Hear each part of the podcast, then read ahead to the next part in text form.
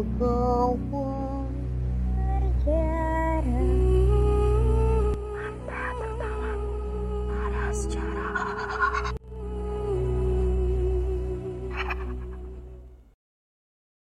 kawan jarah, kalian masih ingat kan dengan clue minggu lalu?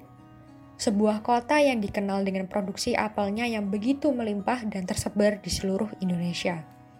Bukan hanya itu, olahan seperti keripik apel, cuka apel, sari buah apel, dan lainnya juga menjadi produk unggulan kota ini. Tentu tak lain dan tak bukan adalah kota Malang. Keterikatan antara apel dan Malang sebenarnya sudah ada sejak zaman Belanda berkuasa di Indonesia. Tepatnya sekitar tahun 1929 menjadi awal mula pemerintah kolonial Belanda memberikan perhatian yang serius terhadap tanaman ini. Awalnya, Gratel, pengusaha perkebunan asal Belanda, tengah mengembangkan tanaman jeruk kepro. Sayangnya tanaman tersebut gagal panen dikarenakan diserang oleh hama penyakit sehingga para petani juga mengalami kerugian yang sangat besar. Pada saat yang sama, ternyata tanaman apel banyak tumbuh secara liar.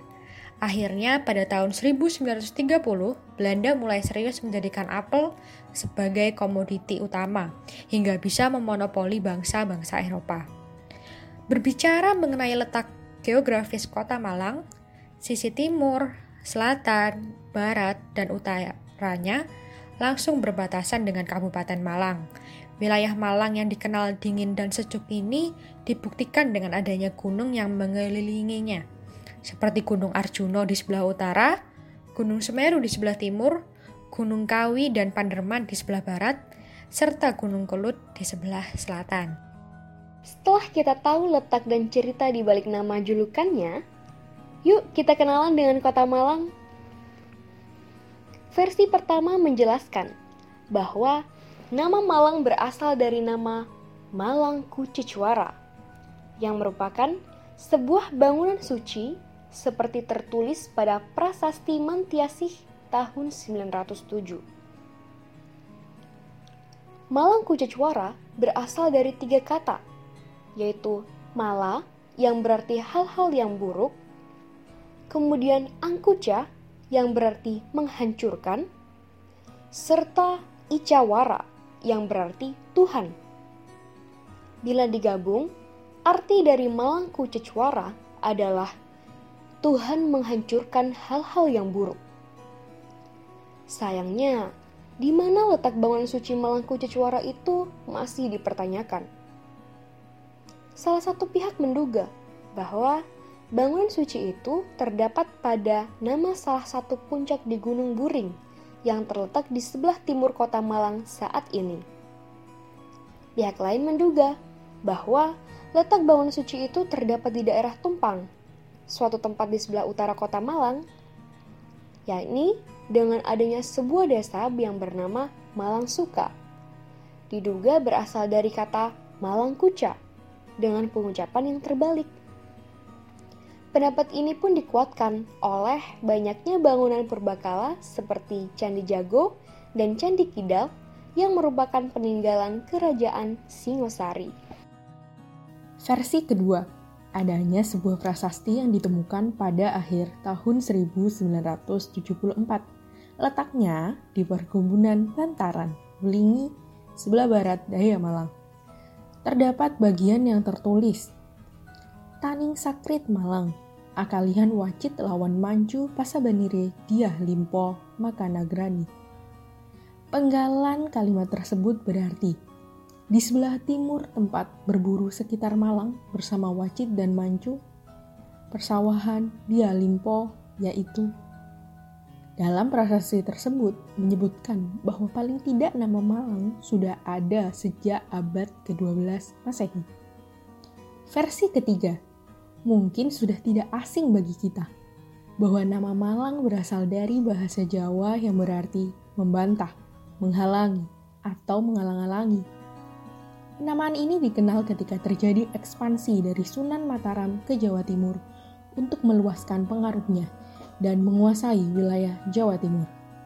Namun usaha penguasaan itu tidak berjalan mulus, terutama karena perlawanan sengit dari rakyat Malang. Sunan Mataram menganggap bahwa rakyat daerah tersebut mengalang-alangi, sehingga akhirnya daerah tersebut diberi nama Malang. Walaupun belum dapat dipastikan teori manakah yang merupakan asal-usul nama Malang, namun dapat dipastikan bahwa penamaan kota ini tidak berasal dari nasibnya yang Malang. Buh kembangnya Malang dapat disangkut pautkan dengan kedatangan Belanda pada tahun 1767. Seperti yang kita tahu, berbagai pembangunan selalu dilakukan bangsa Belanda demi menunjang keberlangsungan maksud tujuannya di Hindia Belanda. Beberapa infrastruktur seperti pendirian sebuah benteng di dekat Sungai Berantas, lalu dibangun pula alun-alun pada tahun 1882 jadi bukti bahwa Belanda memiliki tujuan untuk menjadikan sebuah wilayah sebagai pusat kekuasaan administrasi kolonial. Bila ditinjau dari sudut pandang ekonomi, maka penataan spasial kota ini ditujukan untuk kepentingan ekonomi kolonial, yaitu produksi dan kontrol. Kemudian, jika melihat peta-peta kota Malang antara tahun 1882 sampai 1914, jelas terlihat bahwa alun-alun menjadi pusat kehidupan di kota Malang. Mengenai hari jadi Kota Malang yang diperingati setiap 1 April berasal dari status Kota Madia atau Gemeente yang baru diraih Malang pada 1 April tahun 1914 setelah sebelumnya berada sebagai daerah bagian Kota Pasuruan. Pasca menjadi Kota Madia, Malang mengalami perkembangan yang sangat signifikan. Malang memang dikenal dengan berbagai julukan, mulai dari kota apel, kota pendidikan, kota wisata, dan beberapa julukan lainnya. Namun, di balik hal itu, mitos mengenai gedung maupun suatu tempat wisata yang dianggap berhantu dan dipenuhi cerita mistis juga kerap kali dipercaya oleh masyarakat. Saat ini kawan jarah akan kami ajak untuk terjarah dalam kemagisan sejarah lokal yang ada di kota Malang. Yang pertama ada Kali Mewek, Kali Mewek adalah salah satu sungai yang melewati sebagian wilayah di kota Malang. Kali ini membelah perbukitan di desa Palawijen dan memiliki panjang aliran 8.674 meter, lebar 20 meter, dan kedalaman sekitar 3 meter. Bila diartikan dalam bahasa Indonesia, Kali Mewek berarti adalah sungai yang menangis. Tentu terdapat kisah mistis yang menyelimuti Kalimewek, bahkan sudah dikenal sejak masa kerajaan Singosari. Kisah mistis ini bermula dari Empu Parwa, ayah Ken Dedes yang mengutuk Tunggul Ametung yang telah mencuri putrinya, serta mengutuk masyarakat Palawijen yang diam saja melihat tindakan pencurian tersebut. Konon, Empu Parwa juga memerintahkan bangsa jin untuk menjaga kali. Jin tersebut akan mengganggu siapa pun yang berani mengambil sesuatu dari kali, sekalipun hanya satu kerikil kecil. Selain itu, mereka yang berbuat tak baik juga akan mendapat hukuman yang sama. Warga mempercayai kutukan ini. Jika dilanggar, maka mereka akan mendapatkan balasannya, seperti kerasukan, demam tinggi, ataupun kejang-kejang. Beberapa warga juga pernah melihat gumpalan api melintasi sungai, serta adanya bau bunga melati yang menandakan akan ada warga sekitar kali yang meninggal. Cerita rakyat yang beredar mengatakan bahwa Nama Kali Mewek berasal dari kisah penculikan Ken Dedes oleh Tunggul Ametung, lalu membawanya ke Akuwu Tumapel, sekarang bernama Singosari. Ketika itu, Ken Dedes sedang mandi di sungai. Karena tak ingin dibawa dan dijadikan istri secara paksa, Ken Dedes meronta-ronta dalam perjalanan sepanjang sungai Hal itulah yang menjadikan nama sungai yang dilewati itu bernama Kali Mewek.